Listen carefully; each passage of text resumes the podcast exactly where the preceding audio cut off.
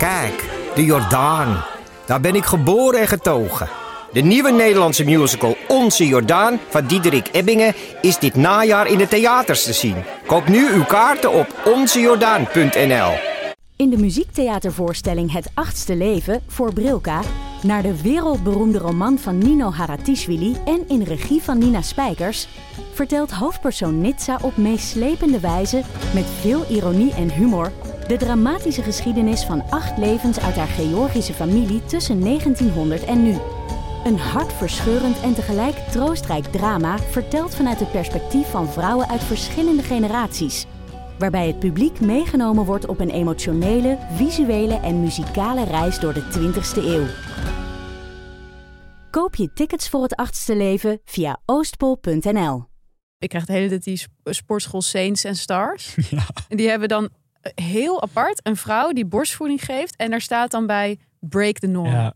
Denk ik echt, welke norm Ja. wordt hier doorbroken? Maar op hoeveel niveaus gaat het ook mis? Van ten eerste, wat is er inderdaad normdoorbrekend aan borstvoeding? Een vrouw die, nou dat doen vrouwen echt al sinds het ontstaan van de mens. Ja. Ja.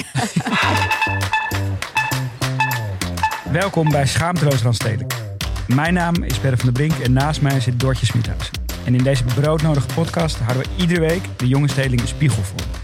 We onderzoeken de paradoxale relaties met de systemen om ons heen. Schaamteloos Randstedelijk. Een podcast voor alle jonge mensen in de stad op zoek naar houvast. En vandaag hebben we het over woke-washing. Ja, leuk. Dus bedrijven en reclamebureaus die doen alsof ze de wereld redden. Maar eigenlijk gewoon je ja, helpen om meer spullen te kopen. Gewoon ordinair spullen willen verkopen. Gewoon knallen. En voordat we daarmee beginnen, gaan we natuurlijk naar onze rubriek. Het schaamteloos randstedelijke moment van de week. En we hadden echt een hele leuke inzending van een luisteraar die we uiteraard anoniem houden. Maar goed, deze luisteraar was afgelopen weekend in Berlijn en bezocht daar een fundraiser voor Women in Exile. Nou, Eigenlijk kunnen we hier al ophouden bijna, ja, toch? Ja, ja, precies. Maar heel mooi van hem. Bleek dat het eigenlijk gewoon een gathering was in een pop-up natuurwijn slash platenzaak, zegt hij. Uiteindelijk heb ik alleen maar buiten met oranje wijn gestaan, staan kletsen en ik ben vergeten te doneren. Ja, dat is Nou, wel De intentie was er, Ja. weet je? En eh, Bedankt namens de Women in Exile. ja,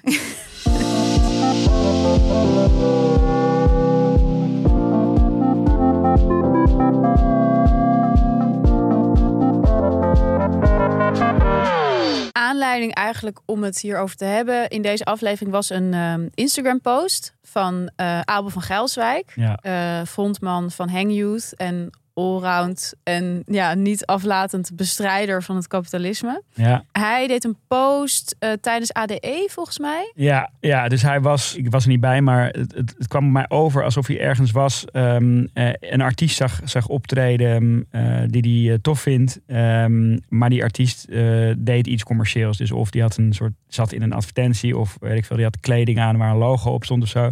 En hij, volgens mij in het moment gaat hij helemaal los eh, en zegt hij eh, altijd weer gieren van het lachen om alle branded kankertroep op deze industrie-events. En dan richt hij zich eigenlijk tot de industrie. Dus zegt Ja. het reclamo's, wat sowieso wel een goede, goede term is voor mensen die eh, in de industrie werken. Alle actual creatives haten jullie. Jullie ideeën zijn kut en iedereen speelt alleen maar mee omdat jullie opdrachtgevers al het geld hebben gehoord. We doen leuk tegen jullie op die, nog een keer kankerborrels, eh, voor het geld. En niemand gaat het je zeggen in verband met eigen ruiten ingooien. Maar ik heb mezelf toch al in een onmogelijke positie geluld. Dus ja, wat maakt het nog uit? Mijn favoriete artiesten ineens met branded story. Met kankergroot, jullie le- lelijke kankerlogo. Zomaar dwingen jullie ons in de rol van reclamezeil. Reclame awards zijn het allerergste. Circle jerkend elkaar vertellen dat je de wereld verbetert. Je bent een loopjongen van het grote kapitaal. Hashtag at night. Tief op echt. Nou, Heerlijk. eh, en dan afsluitend ehm, eh, met een eh, Shell-logo. Shell-logo. Ja, ja, dus hij zag eigenlijk een artiest van wie hij ooit fan was, gedegradeerd tot reclamezaal onder het mom van Ja. we zijn aan het disrupten Ja. eh, met dit reclamebureau en dit merk. ja, je merkt dat in een bepaalde soort kring eh, van eh, een beetje een soort combinatie van andere artiesten, eh, maar ook heel veel reclame mensen zelf, Ja. dus creatieven die, die in die industrie werken, eh, resoneerde dat gevoel. Ja, Dat zag je ook in de comments, toch? Van dat, dat, dat, dat er meteen eh, interessante discussies. zeker. Maar het is natuurlijk sowieso iets waar, waar wij het onderling al vaak over hebben. En wat gewoon heel erg speelt. Want ik, het, het is gewoon zo dat op de een of andere manier alles wat met reclame te maken heeft, presenteert zich de laatste tijd alsof het enorm de systemen aan het omgooien is. Ik Ja. zag dan nu ook, Ja. ik ging even een rondje hè, van die eh, reclamebureaus af. En dan zag ik bijvoorbeeld ook zo'n zo'n reclamebureau dat nu heel hot is. Ik zal de naam verder niet noemen. Maar dat noemt zich dan een post-advertising ad agency. Ja. Dan denk ik, wat interessant. Wat is er dan post-advertising aan jouw reclamebureau? En dan zeggen ze ook vervolgens... We are known for our disruptive creative. Ja, Ja, maar wel gewoon klanten als gewoon, weet ik veel, banken en allemaal Ja, grote ja, bedrijven. ja, weet je wel. Ik denk niet dat die per se heel erg uit zijn op disrupten. nee, gewoon eff- efficiënt. Ja, of ook, wat vind ik heel grappig, die krijg ik nu de hele tijd in mijn eh, Instagram ehm, reclame gepusht. Past ook wel weer goed bij ons vorige gesprek over eh, ouderschap. Ik krijg de hele tijd die sp- sportschool Saints en Stars. En die hebben dan eh, heel apart een vrouw die borstvoeding geeft. En daar staat dan bij break the norm. Ja. Denk ik echt, welke norm Ja. wordt hier doorbroken? Maar op hoeveel niveaus gaat het ook mis? Van ten eerste, wat is er inderdaad normdoorbrekend aan borstvoeding? Een vrouw die, nou dat doen vrouwen echt al sinds het ontstaan van de mens. Ja. En, en ook wat heeft het met sporten te maken? Ik vond ook een grappig voorbeeld nu, zag ik gisteren op de eh, Instagram van Vic Clay. Nou, hij is volgens mij groot op TikTok, maar zoals elke persoon van 30 of ouder consumeer ik TikTok via Instagram. Eh, dus daar zie ik zijn post, die ik heel erg geestig vind overigens. Maar goed, hij, hij wees zijn volgers erop dat dus de Burger King Ja. maandenlang alleen maar vegan heeft gepost. Dus dat je echt dacht van, nou, ze zijn helemaal om bij Ze Burger. King. Ja. En ze zijn helemaal met de planeet. En het wordt geweldig. Om vervolgens dus, was gisteren of zo, op Nationale Veganisme Dag... Ja. een post te doen dat het nu ook wel weer genoeg was met al dat veganisme. En dat Ja. je dan nu toch alweer gewoon eh, vlees kon eten met de slogan... Finally, we meet again. ja, sorry, maar Oh, er ook- zit gewoon een reclamepersoon achter die denkt dat dat een goed idee Ja, is. ja, en eh, ik denk dat het in dit geval ook to- wel toeval was dat het dus World Vegan Day is. Maar het is zo typerend voor die... Dat voor ze die, gewoon eh, geen idee hebben nee. wat ze propageren. Nee. Nee. Nee, dat, ik bedoel, het, het gaat. eh, dus wij dachten, het is leuk om in deze aflevering een beetje soort van terug te gaan naar waar dat dan vandaan komt en, en hoe dat zo is, is gegroeid of zo. Ehm, dus we willen het hebben over, over wokewashing. En jij wilt hebben over een identiteitscrisis. Ja, want ik, ik vind het dus een beetje een identiteitscrisis eh, voor merken en bureaus. Eh, hè, want, want als je teruggaat naar de soort origine van wat een merk is en wat de, de functie van een merk is en ook wat de functie van reclame is. Ja, dan is het gewoon best wel duidelijk. Het is gewoon bedoeld om jou meer te laten kopen. Eh, eh, en dat is ook een beetje de, de laten we zeggen, Madman-achtige, eh, of Madman-achtige tijdperk van reclame. Eh, ja, daar ging het gewoon puur daarom. Dat is allemaal heel erg veranderd. Want eigenlijk met de opkomst van we, ja, merken als Patagonia... is dat hele idee van wat een merk moet zijn... En, en hoe een merk zich moet gedragen gewoon best wel veranderd. En toen is eigenlijk de soort purpose era begonnen. Wanneer was dat ongeveer? Ja, ik denk eh, begin jaren tien of zo. Oké. Eh, dat het een beetje begon te, te komen. Ja, en eigenlijk zie je dan een soort van toename in merken die, die zich op een manier willen verhouden tot de maatschappij. Ja, maar eigenlijk is dat, kijk, dat idee van die purpose era of purpose culture of hoe het ook heet, dat is dan misschien wel soort van nieuw, maar dat idee van hè, het, het, het, het, het inzetten van het idee van counterculture of het fucken met het systeem Mhm. als verkooptruc, dat is best wel oud, toch? Tenminste, ik heb op Mhm. een gegeven moment voor de Volkskrant een stuk geschreven waarin ik dat onderzocht. Dus dat, het- dat je eigenlijk zag dat al ja, rond de millenniumwisseling al die eh, of, eh, bedrijven die toen dus groot aan het worden waren, dus Apple, Microsoft, Mhm. weet je wel, die hadden allemaal zo'n uitstraling van wij doen het helemaal anders. Weet je wel, de CEO was niet meer een man in pak, maar die kwam op een skateboard en die was gewoon 30 en super cool, weet je wel. aan. En ze, ze zetten zich heel erg af tegen het idee van mainstream. Van ze waren dan juist anders dan de De mainstream. andersdenkenden. Terwijl uiteindelijk wil elk merk natuurlijk niet liever dan mainstream worden. En dat, dat zie je dan hoe. Nou, dat, dat, ik had een heel leuk boek van eh, David Brooks, Mhm. Bobo's in Paradise. Het gaat heel erg over het, het, het veranderen van ja, hoe we consumeren en eh, hoe marketing ook werkt. Echt wel een leuk boek. Ja. Dus hij vertelt dan ook hoe Nike, zeg maar, eind jaren tachtig altijd het nummer Revolution Mhm. van de Beatles gebruikte. Alsof dat, een alsof dat merk een revolutie Ja. ging ontketenen, weet Ja. je wel. En eh, Burger King had dan eh, als slogan tijdens de jaren negentig... Sometimes you gotta break the rules. Ja. Wat, hoe, weet je wel, door een burger te hebben ze dus nu wel onlangs weer gedaan, toch? Ze breken aan, lopen wel allerlei regels. En eh, ook natuurlijk, inmiddels is dat echt gewoon echt, echt heel grappig om daaraan te denken. Maar dat Apple dus tot 2002 eh, de slogan Think Think different. Different, Ja. had. Dan nu kan je dat gewoon bedenken, letterlijk Apple. Ja. Ja. kan je echt niet meer hard maken. Ja. Maar het is dus heel erg dat idee van anders denken koppelen aan het product. En dat is dus wel al decennia Ja, ja. toch? Ja, nee, dat, dat, dat is zeker eh, veel ouder. Maar ehm, ik denk dat als je in de jaren negentig had je, had je Benetton. Mhm. Eh, of tenminste, volgens mij bestaat het merk nog steeds. Geen maar, eh, idee. Ja, ik, ik heb het idee. Ja, ik weet het eigenlijk ook niet. We zouden het even moeten opzoeken. Maar volgens mij bestaat het nog steeds. Maar het is in ieder geval dus niet meer echt van, eh, betekenis. blijkt uit dat wij het allebei niet weten. Want wij weten welke merken van betekenis zijn. ja. Nee, dus in, die, in, in de jaren negentig ging Benetton zich eigenlijk profileren als een merk wat keihard reclame maakte voor kleding, maar dan niet met kleding. Eh, dus zij gingen eh, samen met eh, Oliviero Toscani, dus een fotograaf, en hij was ook toen creative director ehm, ja, van een soort van lab wat Benetton dan ook had, waar ze best wel toffe dingen mee deden. Ehm, gingen ze campagnes maken die echt extreem spraakmakend waren. Dus ze deden bijvoorbeeld, ze, ze fotografeerden een, een AIDS-patiënt op zijn sterfbed. Gewoon, maar niet, niet nep, maar gewoon Echt? deze man overleed tijdens die shoot. En zijn familie zit er omheen en ze brengen hem in beeld. Het is echt een super mooie foto. Mhm. Een beetje als een soort Jezusachtige figuur waar zijn familie omheen zit. En dit was gewoon in de tijd dat ehm, ja, er nog een ontzettend taboe op AIDS Ja. rustte.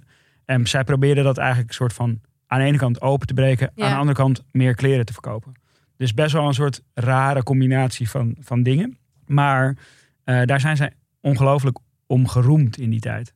Ehm, en eh, ja, zij zijn eigenlijk volgens mij een van de eerste merken die op die manier een soort link met Ja. cultuur. En is dat dan iets wat merken nu ook veel nadoen? nou ja, voor, doen? mij is dat dan daar ongeveer begonnen. En Ja. daar is zoiets dat Patagonia ook een beetje, vind ik, uit voortgekomen. Maar zij trekken het dan weer veel verder. Want eh, bij hun gaat het eigenlijk, is het veel intrinsieker eh, de bedoeling dat het merk in dienst van de maatschappij Ja, en de planeet redt Ja, eigenlijk. Ja, nog. precies. Dus het is veel meer een soort, ja, echt een purpose. Zoals de officiële definitie van, een, van, van het woord eh, je vertelt. In plaats van een tool om, om in te zetten Ja. tijdens campagnes. Maar ik vind het toch lastig hoor, met die zeg maar merken en bedrijven met purpose. Weet je, ik had dan dus ook een voorbeeld in dat stuk aangehaald van ehm, Headspace. Mhm. Je, dat vind ik echt zo quasi ja. wellness, eh, goed voor je bedrijf, wat gewoon eigenlijk uit is op een grote speler zijn binnen de aandachtseconomie. ja, het is gewoon dus- een techbedrijf. Tuurlijk, het is gewoon een techbedrijf. En dan, dan, ik bedoel, iedereen weet waarschijnlijk wel wat Headspace is. Hè? Het is zo'n meditatie-app. En dan kan je dus eh, even, dan doe je op je telefoon, ik gebruik het niet, maar ik geloof dat je 10 minuten of zo kan Mhm. mediteren met, je, met, met een stem die dan uit je telefoon komt. Ja. Nou ja, en Headspace, staat dan op de site, heeft maar één doel: de wereld gezonder en gelukkiger maken. En dat gaan we dan allemaal doen door even te focussen op jezelf, op die app. En dan vo- voel je je blijkbaar beter. En daar is de wereld daar ook meteen eh, blijkbaar enorm mee geholpen. Dat disrupten wat ze dan doen kost wel gewoon 13 euro per maand. en het heeft ze inmiddels, eh, nou toen ik het stuk geschreven hadden ze een omzet van ruim 90 miljoen euro per jaar. Het zou inmiddels wel, wel meer zijn. Ja, ik denk wel veel meer. Wat ik ingewikkeld vind aan zo'n ehm, ja, zo'n merk of zo'n dienst als Headspace, is dat ze zichzelf heel erg profileren als een soort life hack. Mhm. Ehm, en ook dus als een soort disruptive kracht. Hè, wat ze samen met yogis en zenmasters hebben ze bedacht hoe ze de wereld gaan verbeteren. Maar wat het in wezen is, is een app die geld kost en die jou vertelt: als je dit elke dag 10 minuten doet, kan je wel gewoon weer door met je verder super drukke leven. Mhm. Dus het staat systeemverandering in die zin ook echt in de weg. Omdat het jou eigenlijk vertelt van... dit is een manier om wel in die red race mee te kunnen ja, het is doen. meer symptoombestrijding. dus het is een doekje voor het bloeden Ja. eigenlijk. Dus het is eigenlijk een soort anti-verandering... eh, die zich verkoopt als een soort uitweg Ja, uit een systeem. En dat is een gevoel wat... Ja, ik heb dat bij heel veel merken eigenlijk. ja ik, zit er, ik zit erover na te denken. Kijk, aan de ene kant ben ik het er echt roerend mee eens. Maar ik denk ook wel dat zij een bepaald type mens bereiken die anders nooit was gaan mediteren. En daarvan denk ik dan weer van ja, is daar dan wat mis mee? Weet je wel? Van als die mensen dat eh, op die manier proberen en dan misschien iets chiller. Nee, er is natuurlijk staan. sowieso niets mis mee. Maar waar, waar wat mij betreft wel iets mis mee is, is de manier waarop ze het positioneren. Alsof op het moment dat jij Headspace gebruikt, je Ja. wel weer mee kan doen aan de maatschappij. En omdat ze zeggen, ja, we maken de wereld beter. Ja, nee, jullie dat is- maken de wereld echt niet beter. Jullie geven mensen tien minuten lang het gevoel eh, dat ze misschien niet helemaal gek worden. Ja. Maar daarmee maak je de wereld echt niet beter. Ik denk ook dat dat een, een, een, een soort tijdperkje is wat ook nu een beetje ten einde eh, aan het komen is. Ja, denk je? Ja, want eigenlijk als ik nu, laten we zeggen, wat is nu 2022? Tien jaar geleden of zo werkte ik bij Vice. En ehm, dan kwam er eigenlijk uit ieder doelgroeponderzoek wat wij deden, dat eh, eh, jonge mensen eh, vinden dat een merk zich moet verhouden tot wat er in de wereld gebeurt. Eh, en dat ze als een merk dat ehm, in hun ogen op een goede manier doet, eh, dus daar goede dingen mee doet, of, ofwel een deel van de omzet weggeven, of interessante initiatieven ondersteunen, of wat dan ook, dat ze dat ook belonen met loyaliteit. Eh, en als reactie daarop heb je natuurlijk eh, heel veel merken gekregen die dat in hun DNA probeerden te, eh, te bakken. Alleen bij de meeste, en daar, daar ging het mis, want daar, daar, dan was de intentie niet ja, intrinsiek, maar het was een soort business opportunity. Ja, totaal. Ja, en in die tijd heb ik echt de meest vreselijke, ook wel hilarische, maar ook echt vreselijke dingen meegemaakt met merken die dan vroegen of je een purpose voor ze kon verzinnen. Ja, ja. Dat je denkt van ja, ik- als je dat eh, als vraag gaat stellen aan een extern persoon, dan, dat, dan, kan heb je je eigenlijk je antwoord al. Kan je je. beter opdoeken. Ja, dan kan je gewoon beter. Of stoppen. gewoon accepteren dat je gewoon geld aan het verdienen bent en geen purpose hebt. Nou ja, dus dan, dat, je daar dan ook eerlijk over bent of zo. Ja. Weet je? Maar eh, het werd en, en masse gevierd om dat te doen. En eh, zo, eh, nou, het, het, het mooiste voorbeeld daarvan was, was dat op een gegeven moment een, een opdracht kregen. Ehm, nou, ik ga het merk niet noemen, maar ehm, het was een, ehm, een merk wat tandpasta, eh, of tooth whitening tandpasta eh, verkocht. En zij wilden dan een radicaal inclusief beautymerk worden. En dat was een beetje van, kunnen jullie ons helpen om, om dat te doen? Leuke uitdaging. Ja, op zich, kijk, bij zo'n ding is het van, ja, oké, ga je dat aan of niet? Ja, je probeert het en dan ga je erin duiken. En in dit geval hebben we die opdracht op een gegeven moment ook teruggegeven. Omdat, eh, ja, hoe langer we daarin doken, eh, eh, we, gingen een beetje testen van, oké, hoe, hoe ver ben je bereid om hierin te gaan of zo, weet je? Van als je radicaal inclusieve beauty, dat was dan waarschijnlijk geïnspireerd op hoe Rihanna dat doet met Fenty en dat Ja, soort ja, dingen. ja. Eh, als je dat wil, eh, maar niet bereid bent om mensen in beeld te brengen die ook maar enigszins niet een pro-dance smile hebben. Want wat voor mensen wilden jullie dan? Ja, wij kwamen gewoon met voorbeelden, met referenties van mensen die ehm, ja, gewoon eh, niet hele rechte tanden hadden of zo. Ja, gewoon realistische Ja. monden, zeg maar.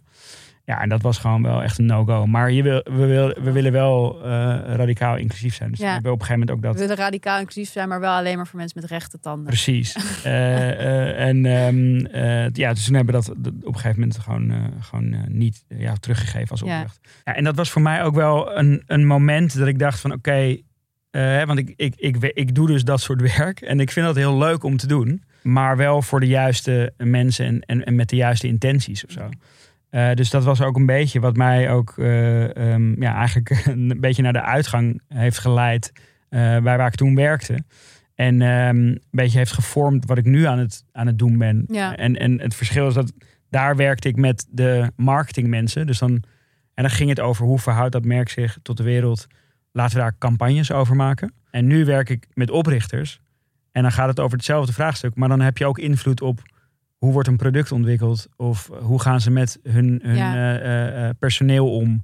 Eh, dus dan is de, is de mm, verantwoordelijkheid of de impact die die beslissingen hebben gewoon veel breder. Mhm. Ehm, ja, en dat was wel een beetje zo'n moment dat ik dacht, ja, ga ik mijn tijd nog besteden aan Het woke wasje. precies Van, van, kutbedrijven. van fucking grote corporates. ja. Maar sowieso is het toch bijna inmiddels voor, voor ook voor bedrijven. Waar, ik heb dat met die B Corps bijvoorbeeld. Dat je Mhm. dat bijna elk Ja. bedrijf lijkt nu een B Corp. Ik, Ja. ik eh, liep laatst langs de Ritual B Corp. Ja. ja, het is echt. eh, maar kijk, het, Want die B Corps, dat staat toch voor dat ze zeg maar duurzaam zijn, eh personeel goed behandeld. Dat ze gewoon eigenlijk de soort van de Gandhi's van het kapitalisme zijn. Ja, B is, is vol- volgens de officiële definitie, B Corps gebruiken business as a force for good. En dus zijn businesses that act in ways that benefit society as a whole. Daar is op zich, heel, dat is helemaal super. Wel echt een grote claim. Het is een grote claim, maar als je, als, je, als je dat doet als bedrijf, nou oké, good on you, toch? Ehm, maar Letterlijk Eh, noem één bedrijf die dat kan nou, waarmaken. dat Patagonia is misschien, Ja. misschien het voorbeeld, maar dat is, dat is ook Patagonia is natuurlijk ook weer, weer gewoon een rijke witte mensenmerk, toch? Jawel, maar die hebben wel ook echt het volgende Ja, niveau eh, genomen door het daadwerkelijk weg te geven. Ja, Eh, maar hier staat niet bij dat B Corp gewoon een commercieel bedrijf is. Dus dat het gewoon een businessmodel is om die certificaten eh, te verkopen. Dus je koopt gewoon een traject waarmee je je bedrijf eigenlijk een, ja, een audit doet. Hoe score je op duurzaamheid? Hoe score je op met je mensen omgaan? et cetera. Ehm, dus en je je- kan eigenlijk gewoon je eigen duurzaamheid kopen. Ja, nou, je moet wel, je moet wel in dat traject eh, aan de norm voldoen. Maar dat, da- daar heb je het dan van. Wat is de norm? En hoe, hoe, hoe, is, hoe is die normering ook een beetje rekbaar in het voordeel van grotere bedrijven? Zeg maar. Dus niet alles wat een duurzame keuze is, is goed voor de wereld. Ja. Zo, weet je wel? En eh, zo krijg je dat, dat dan de meest ja, bedrijven die, waar je echt die vraagtekens bij kunt, kunt stellen, een B Corp zijn. Zoals? Mm, Nespresso bijvoorbeeld. Ja. Eh, een, bedrijf wat meerdere keren op de vingers is getikt over eh, child labor. ehm, eh, hoe ze omgaan met... oneerlijk behandelen van die Precies. ja, hoe- hoe- aanleveren. ja, exact. Dus, dus, dus, dus al op dat soort vlakken gewoon meerdere malen op de vingers is Ja. getikt, is nu gewoon een B Corp. En dan, ja, dan krijg je natuurlijk ook een soort devaluatie van dat. Want het was een tijd, een soort enorme hype, dat mensen ook vol trots op LinkedIn aankondigden dat ze een B Corp traject ingingen of dat ze B Corp certified waren. En nu denk ik van ja, oké, ja, wat betekent het eigenlijk? Ja, wat betekent het nog? Ja,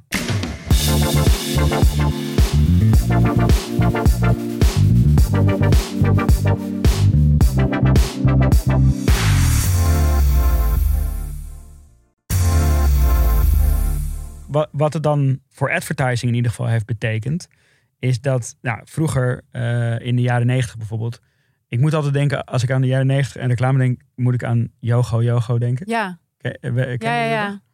Eh, wat gewoon een soort absurde reclame was, Ja. maar het was gewoon lachen. En dus er waren honderd andere eh Yoki of melkdrinks. Ja. maar zij waren gewoon raar. En daardoor wilde ik gewoon yoga yoga. ja. Dus ik vond het een soort perfect voorbeeld van hoe ook bijna onschuldig advertising in die tijd was of zo. En nu gaat het veel meer over het over de bühne brengen van waar je merk voor staat. Eh, dus Ja. je, je soort van belief system. Het doet me denken ook aan. Eigenlijk doet bijna elke reclame me tegenwoordig denken aan die eh, Saturday Night Live sketch over Ja. Levi's. Ja. Levi's Wokes. Ja. Ken Ja. je die? Ja, ja, ja. ja. I'm woke. Woke. Woke. I'm woke. So, why aren't my jeans? Now they are. Introducing Levi Wokes. Sizeless, style neutral, gender non-conforming denim for a generation that defies labels. Ja, dat is fantastisch. En dat is inderdaad waar, wa- wa- wa- wat, dit neemt de hak eh, of op de hak Ja, waar ik wat het er concreet heb. gebeurt. Ja. Ze zeggen ook in die reclame van... Bij Levi's hebben we gehoord... als je niet woke bent, dan doe je niet meer mee. en daarom zijn we nu woke. Exact, Ja. exact. En zo kwam de Manifesto-film op. En dat is, dat is een soort stroming in de advertising. eh, ehm, waarbij een merk eigenlijk een soort emotionele film maakt. Van Ja. een minuut of zo. En daar ehm, eh, heeft iemand een, een, een, voice-over voor geschreven. En dat gaat over waar hè, dit merk staat hiervoor. En, en dit is ook allemaal een beetje eh, geïnspireerd op dat ehm, eh, Apple-voorbeeld wat je, wat je net benoemde. Van here's to the crazy ones. Dus een, een ode aan een soort andersdenkende. En dit merk ehm, staat hier en hier voor. eh, voor.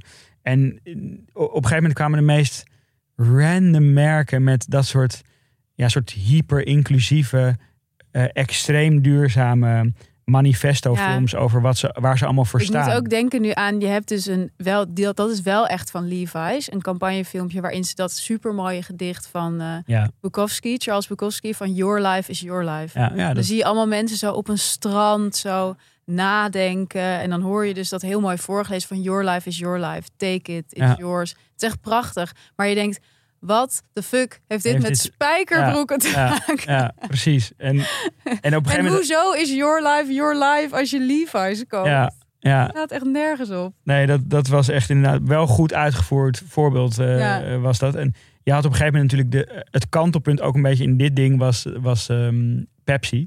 Ja, met eh, Met Kendall, Jenner. Ja. Ja. Want ze, eh, ook echt dat je denkt van hoe is het mogelijk dat... want het was, die reclame kwam er een beetje op neer dat Kendall in haar eentje door iemand een Pepsi'tje te geven het hele Black Lives Matter eh, Ja, debat ja, beslechten. Ja, toch? dus hij staat, Ja. gigantische rellen staan er echt Ja. op het punt om uitgebroken te worden.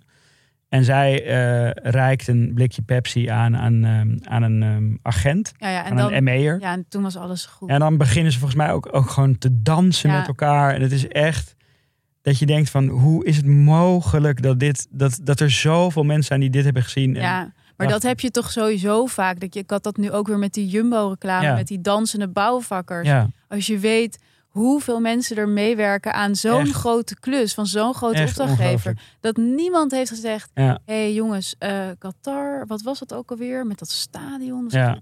ja, met iets met een soort eh, hele foute situatie rond eh, dat Maar dan denk daar. ik dus ook vooral, wat mij dan in zo'n geval dus vooral irriteert.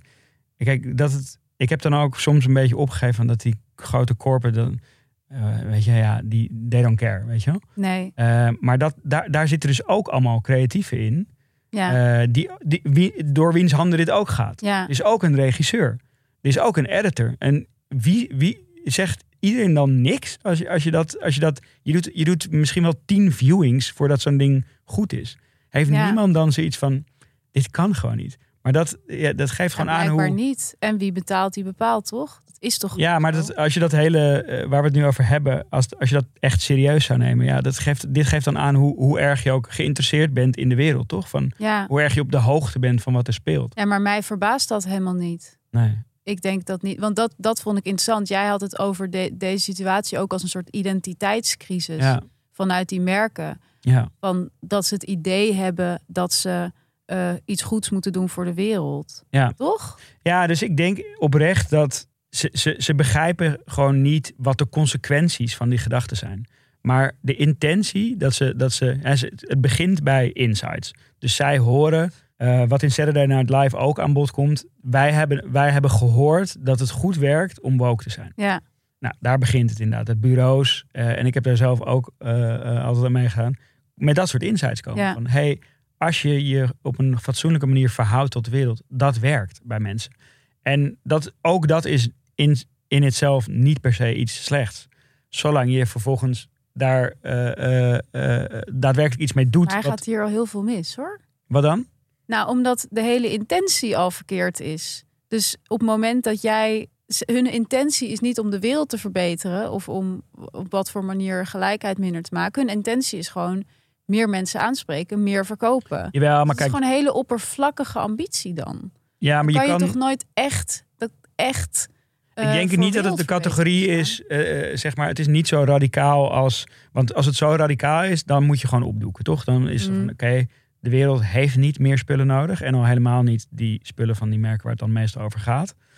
Dus dan moet je gewoon stoppen ermee. Ja. Alleen dat is een soort systeemverandering die gewoon niet haalbaar is in dat soort werelden. Ja, Dus als je er dan Ja. wel mee doorgaat, niet ja, wenselijk. Ja. Ja, wat ook over veel langere tijd gaat dan de acties die nu nodig zijn, toch? Kijk, ik heb gewoon niet het idee. Oké, laat me een voorbeeld geven. Ik heb een keer, ehm, eh, toen ik dat nog eh, wel eens deed, gewoon eh eh, researchen voor commerciëlere partijen, heb ik een keer groot, best grote klus gedaan voor een vliegmaatschappij. Dit is een aantal jaar geleden, maar we waren al heel erg bezig met dat debat over vliegschaamte en Ja. CO2. En dat was al heel erg gaande. En het, wat de, de spin die er in de uiteindelijk reclamefilmpjes werd gegeven was... maak intentionele reizen. Dus Mhm, niet gewoon mhm, fun naar mhm. Marbella, maar weet je wel, naar je, naar je overgrootmoeder Ja. in Mongolië. Want Ja. dat is waar het leven om gaat. Ja. En op zich is daar ook best wel iets voor te zeggen voor zo'n idee. Maar het punt was, iedereen die aan die reclame meewerkte wist, Ja. dit is bullshit. Het enige wat we hier doen is dit verder super vervuilende bedrijf een soort van goodwill geven. meegeven. Ja. Dat was echt zo. En dit is precies wat Abel bedoelde in zijn post. Ja, maar ik denk dat dat overal zo is. En ik vind het lief van jou dat je denkt dat bedrijven echt de wereld willen verbeteren. Maar ik denk gewoon dat dat heel vaak niet zo is. Dat ze vooral gewoon de aandeelhouders tevreden willen houden. En elk jaar hogere cijfers willen Zeker, zeker, zeker. Maar goed, de, de, eh, je hebt eh, gewoon eh, shareholder capitalism. Dus waar het gewoon om waardevermeerdering gaat voor je aandeelhouders. En je hebt dan nu een soort stakeholder capitalism. Waar andere dingen ook gelijkwaardig meewegen in hoe een bedrijf het doet, zeg maar. En ik geloof wel dat we, dat, dat we daar uiteindelijk naartoe gaan bewegen. Ja, wat ik, wat, wat, ja, het, is, het is een lastige discussie. Want ik snap ook wel dat jij zegt van... ik vind het lief dat je gelooft dat ze dat daadwerkelijk doen. Want er, er zit ook misschien een soort naïef optimisme in.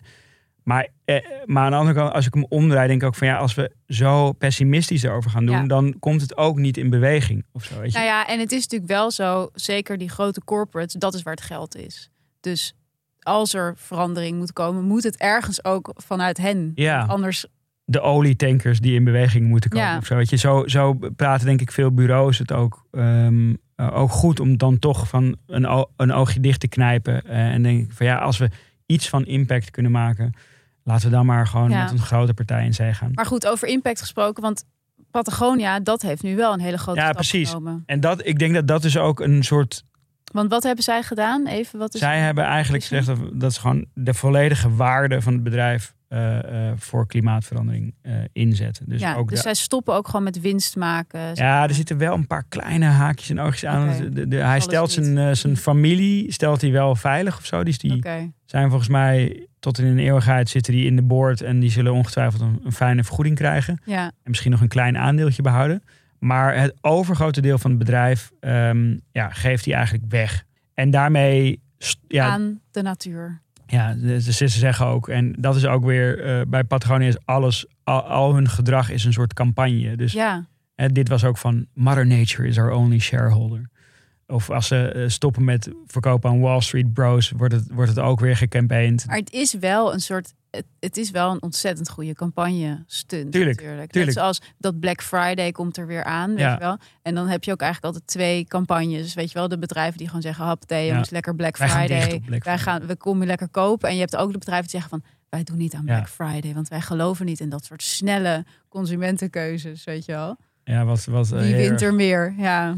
Ja, ik denk zeker niet die, die, die, die merken die zeggen dat ze er niet Ja. in geloven. Oké, maar deze stap van Patagonia, is dat dan een soort begin van een nieuwe tijd? Ik denk het wel.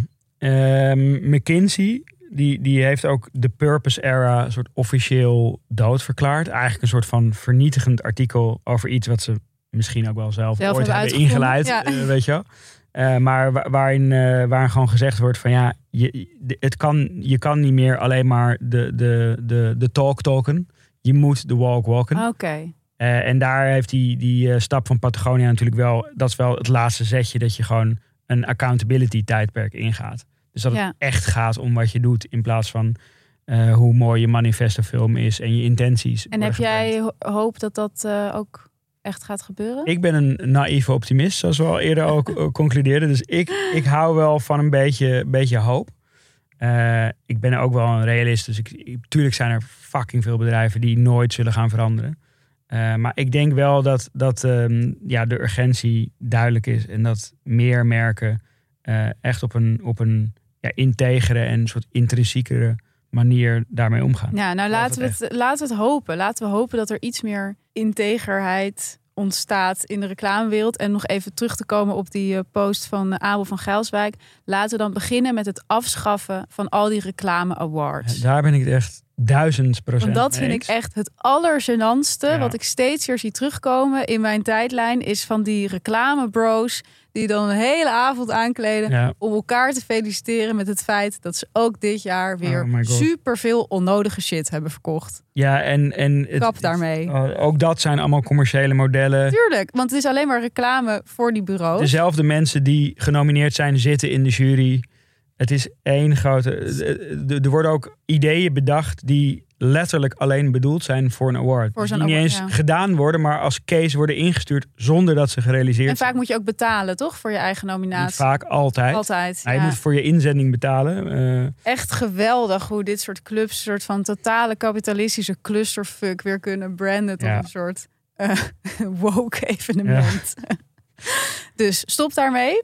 En dan wil ik graag in één adem doorgaan ter afsluiting naar een, eh, nog een schaamteloos reclamemoment voor mezelf. ga je jezelf nu een award geven? 21 november sta ik in Tivoli met een hele leuke avond eh, met het Haags College. En er zijn nog kaarten. Wat gaat, wat gaat er gebeuren? Het gaat over mijn boek, over digitale verslaving. Een tripje buiten Amsterdam naar de andere delen van de Randstad. Wees erbij, het wordt heel erg leuk en eh, er zijn nog kaartjes. Leuk. Dit was Schaamteloos Randstedelijk voor deze week. Heel graag tot volgende week. En mocht jij nou een eh, schaamteloos randstedelijke actie hebben die je nog met ons wilt delen, stuur ons dan vooral een DM op Instagram, schaamteloosrandstedelijk. En eh, tot de volgende keer. Nog even over die grootse en epische muziektheatervoorstelling. Het achtste leven voor Brilka is een marathonvoorstelling van 5 uur. Koop je tickets voor deze bijzondere theateravond via oostpol.nl.